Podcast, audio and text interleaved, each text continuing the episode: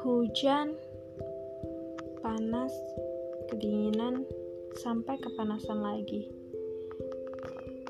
Buat lo yang merasakan hidup bagaikan roller coaster, mending dengerin podcast gue.